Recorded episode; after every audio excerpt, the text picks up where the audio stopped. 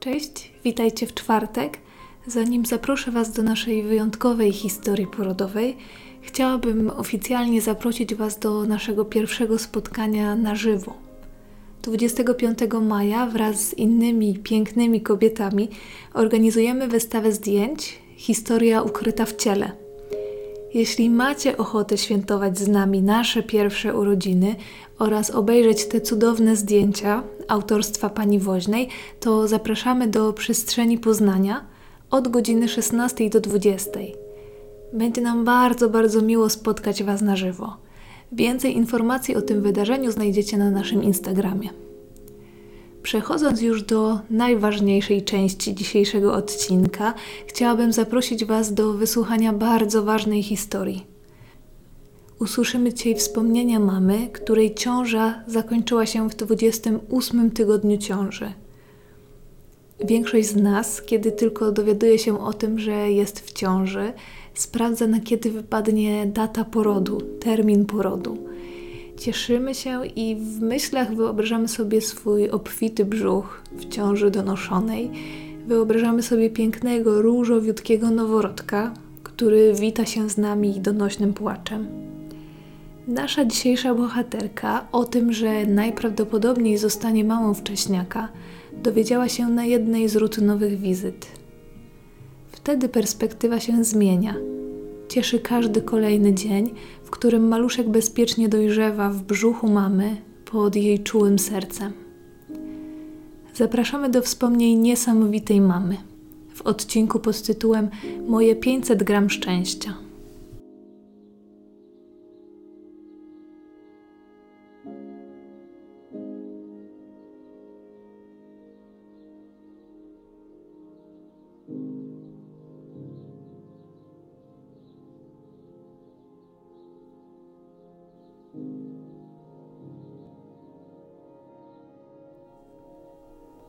Często słyszałam od innych rodziców, że dzień narodzin ich dziecka był ich najszczęśliwszym dniem w życiu. U mnie było zupełnie inaczej. Był to najbardziej stresujący i najbardziej przerażający dzień w życiu. Ten najszczęśliwszy przyszedł 18 dni później, gdy mogłam wreszcie ją przytulić. Już od trzech tygodni byłam w szpitalu i był to już trzeci pobyt podczas tej ciąży. Każdego dnia szłam na USG i sprawdzaliśmy, czy Mela da radę być jeszcze w brzuszku kolejny dzień. Walczyłam o każdy dzień, o każdą godzinę czy minutę. Niestety łożysko źle się wykształciło i krew nie przepływała jak powinna, przez co Mela nie mogła rosnąć chociaż już na badaniach USG było widać, że bardzo chce żyć. Tego dnia również miałam badanie. Bardzo się ucieszyłam, że będzie je wykonywać pani doktor Agata, bo tylko ona w tej trudnej sytuacji potrafiła wlać trochę radości i nadziei. Na badaniu ultrasonograficznym wydawało się, że wszystko jest bez zmian. Nie jest dobrze, ale nie jest też gorzej.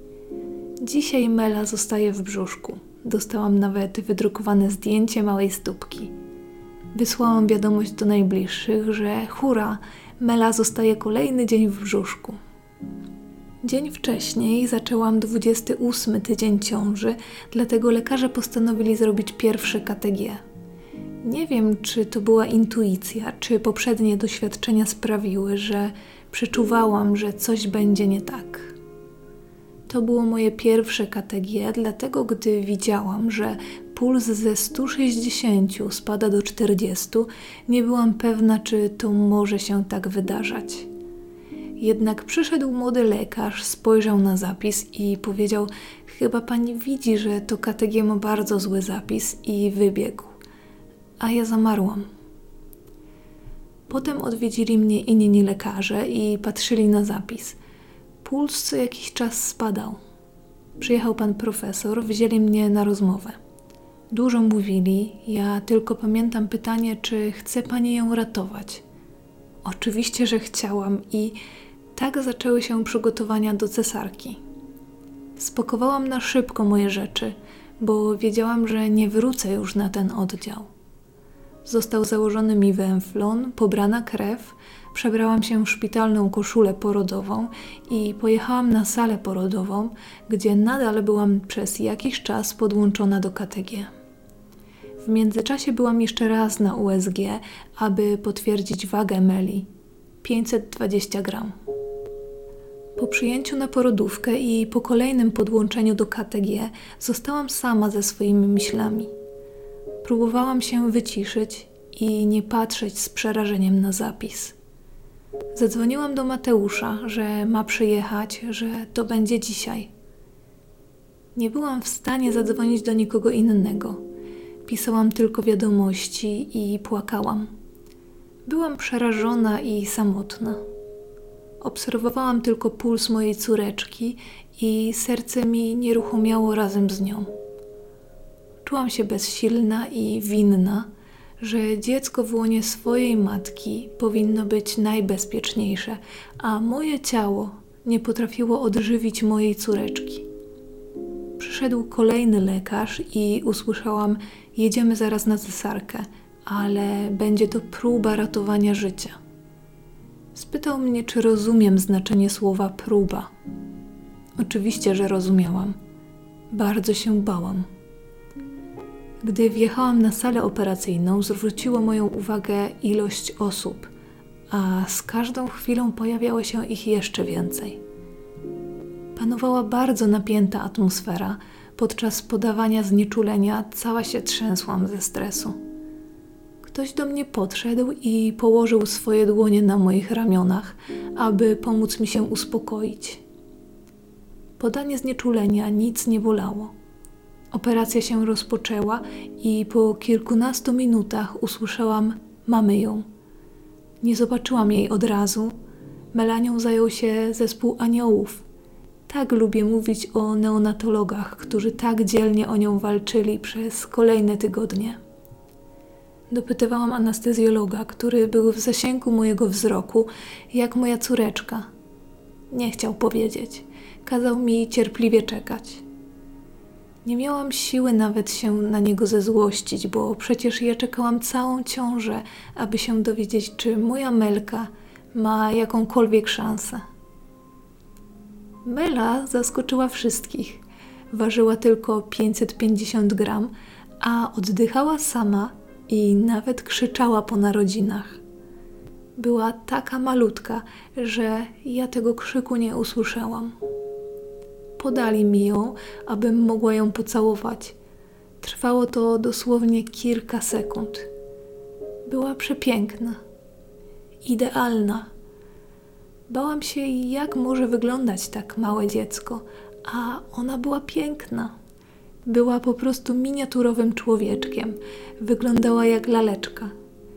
Nie mogłam uwierzyć, że ona już jest na świecie i mimo swojej malutkiej wagi, jej stan był tak dobry, że mogłam ją przez kilka sekund przytulić do policzka i dać jej pierwszego buziaka. Byłam w takim szoku, że dopiero później się zorientowałam, że miałam przecież założoną maseczkę.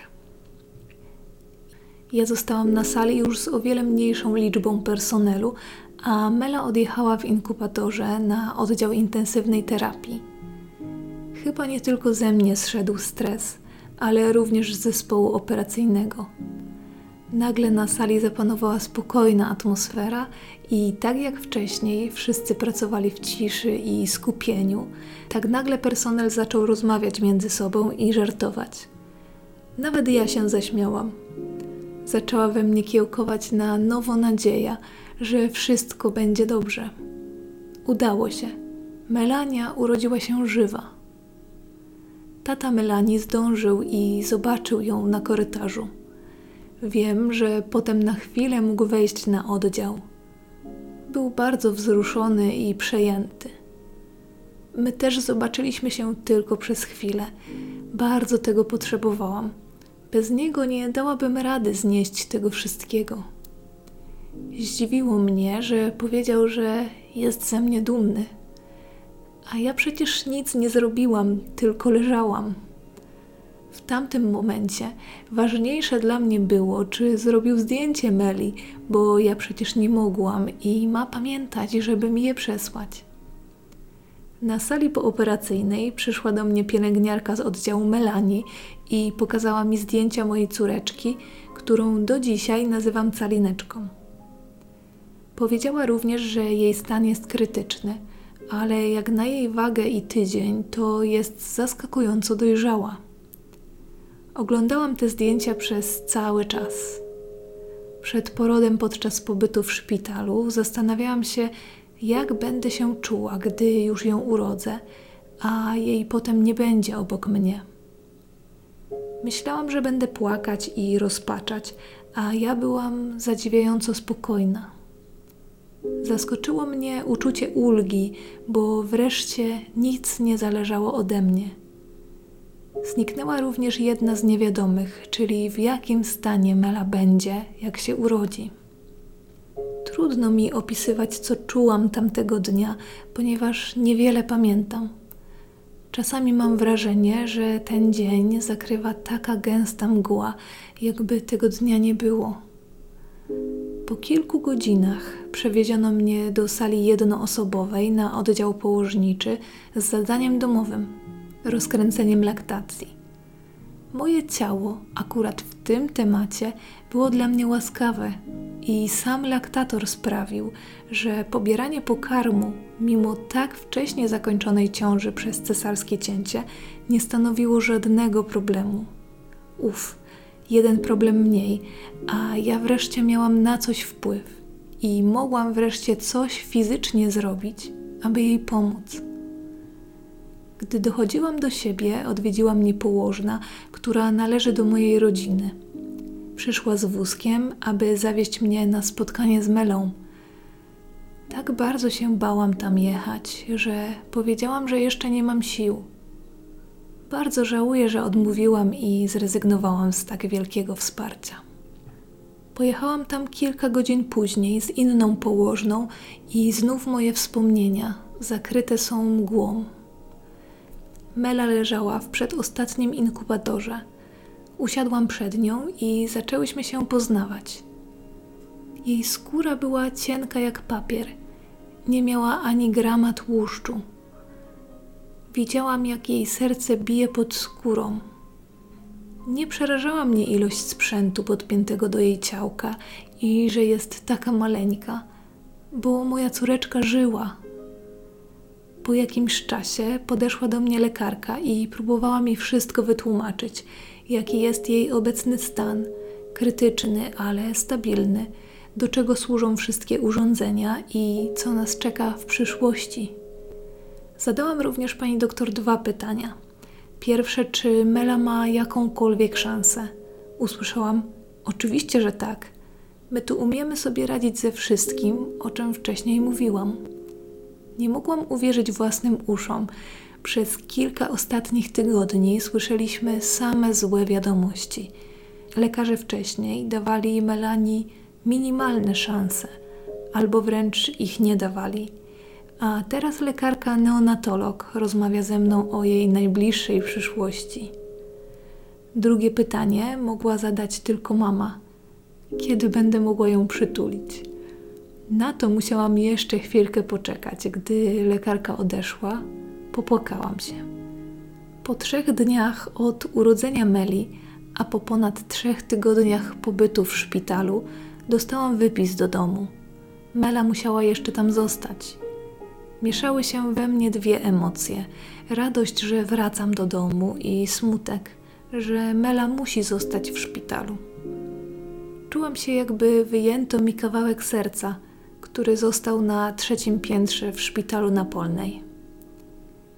Jeździliśmy do Meli, kiedy tylko mogliśmy. Niestety przez COVID-19 odwiedziny były bardzo ograniczone. Pamiętam, jak pierwszy raz pojechaliśmy razem z mężem na odwiedziny do Melanii i czekała na nas pani doktor neonatolog, która bardzo nas wspierała już podczas ciąży i radośnie nas przywitała i wyściskała, a mi w głowie pojawiła się myśl, czyli możemy się cieszyć, pozwolić sobie na radość i zacząć się troszkę mniej bać. Po 18 dniach od narodzin wreszcie mogłam przytulić moją maleńką córeczkę. Był to najszczęśliwszy dzień w moim życiu. Jej małe ciałko było takie ciepłe. Ważyła wtedy coś około 800 gram. Czułam, że to zaszczyt móc przytulić swoje dziecko, gdy jest tak małe. Jej dłoń była wielkości mojego paznokcia na kciuku. Dzisiaj mi samej trudno w to uwierzyć. Pielęgniarki zawołały Mateusza, aby zrobił nam pierwsze wspólne zdjęcie. Był to również pierwszy raz, jak obydwoje byliśmy z nią razem. Wreszcie nasza mała rodzina była razem. Normalnie nie mogliśmy być na sali w dwójkę, a raczej w trójkę. Obydwoje płakaliśmy ze wzruszenia i mówiliśmy, jak jest cudowna i silna. Wróciliśmy wtedy do domu bardzo pozytywnie naładowani. Podczas pobytu Meli w szpitalu dostawaliśmy dobre wiadomości, ale czasem zdarzały się złe i trudne dni. Cały ten czas nauczył nas pokory i cierpliwości, że wszystko jest możliwe oraz że trzeba się cieszyć z małych rzeczy. Mieliśmy dużo szczęścia i tak jak całą ciążę zła wiadomość goniła drugą złą wiadomość, to na oddziale neonatologicznym drugim Szpitala Klinicznego Uniwersytetu Medycznego w Poznaniu zaczęliśmy słyszeć dobre wiadomości. Święta Bożego Narodzenia Mela spędziła w szpitalu. Postanowiliśmy, że nie będziemy się z tego powodu smucić, tylko będziemy świętować, że żyje i niedługo wróci do nas do domu. Każda wiadomość o postępach cieszyła ogromnie. Każda czynność, którą w szpitalu mogliśmy wykonać, sprawiała radość. Na oddziale pracują wspaniali lekarze i cudowne położne. Uczyły nas wszystkiego: jak karmić, jak zmienić pieluszkę. Dzięki nim czuliśmy, że oddział stał się naszym domem. Bardzo cieszyło mnie, jak przywiozłam Meli wyprane ciuszki i kocyki, a ciocie położne z zaciekawieniem i radością oglądały te rzeczy i opowiadały, jak cudnie będzie w nich wyglądać. Zadziwiające było dla mnie, jak położne mówiły, że ona mnie pamięta i zupełnie inaczej się przy mnie zachowuje. Przecież tak wcześnie zostałyśmy rozdzielone i już tyle czasu jest tak daleko ode mnie, a nie mogłam spędzić z nią tyle czasu, ile bym chciała.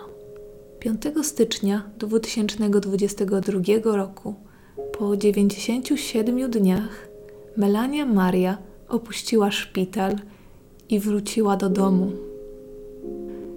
Był to szczęśliwy dzień nie tylko dla nas i całej naszej rodziny, ale również dla lekarzy i położnych. Pożegnań nie było końca. Był to styczeń. Mela ważyła ponad 2 kilogramy i jak ją włożyliśmy do fotelika, to ledwo ją było widać. Tym razem wracaliśmy do domu z Melanią. Byliśmy bardzo przejęci i zestresowani. Planowaliśmy, co zrobimy, jak wrócimy do domu. Opowiadaliśmy sobie nawzajem, którą część ciałka wycałujemy, rozbierzemy i pokażemy dom. Ale co dalej? Wyobrażaliśmy sobie, jak nasza kotka na nią reaguje. Wreszcie robiliśmy to, co inni rodzice, gdy oczekują dziecka. Planują przyszłość. Melka obecnie ma półtora roku i jest zdrową, szczęśliwą dziewczynką.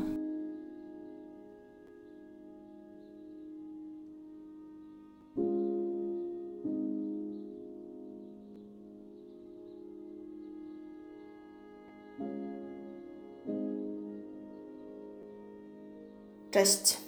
Jeśli jesteś mamą wcześniaka lub walczysz o każdy dzień w ciąży, wiedz, że jesteś silniejsza niż myślisz i dasz radę. Lekarze będą Tobie mówili lub już teraz mówią różne rzeczy, a my, mamy, jesteśmy od tego, by mieć nadzieję, kochać swoje dzieci i po prostu robić swoje. Pozwól sobie na uczucie bycia mamą, a jak wyjdziecie już do domu, odnajdź w sobie tą słynną matczyną intuicję i zaufaj, że to właśnie Ty wiesz, co jest najlepsze dla Twojego dziecka. Mam nadzieję, że Twoja historia będzie miała pozytywne zakończenie jak nasza. Pozdrawiam.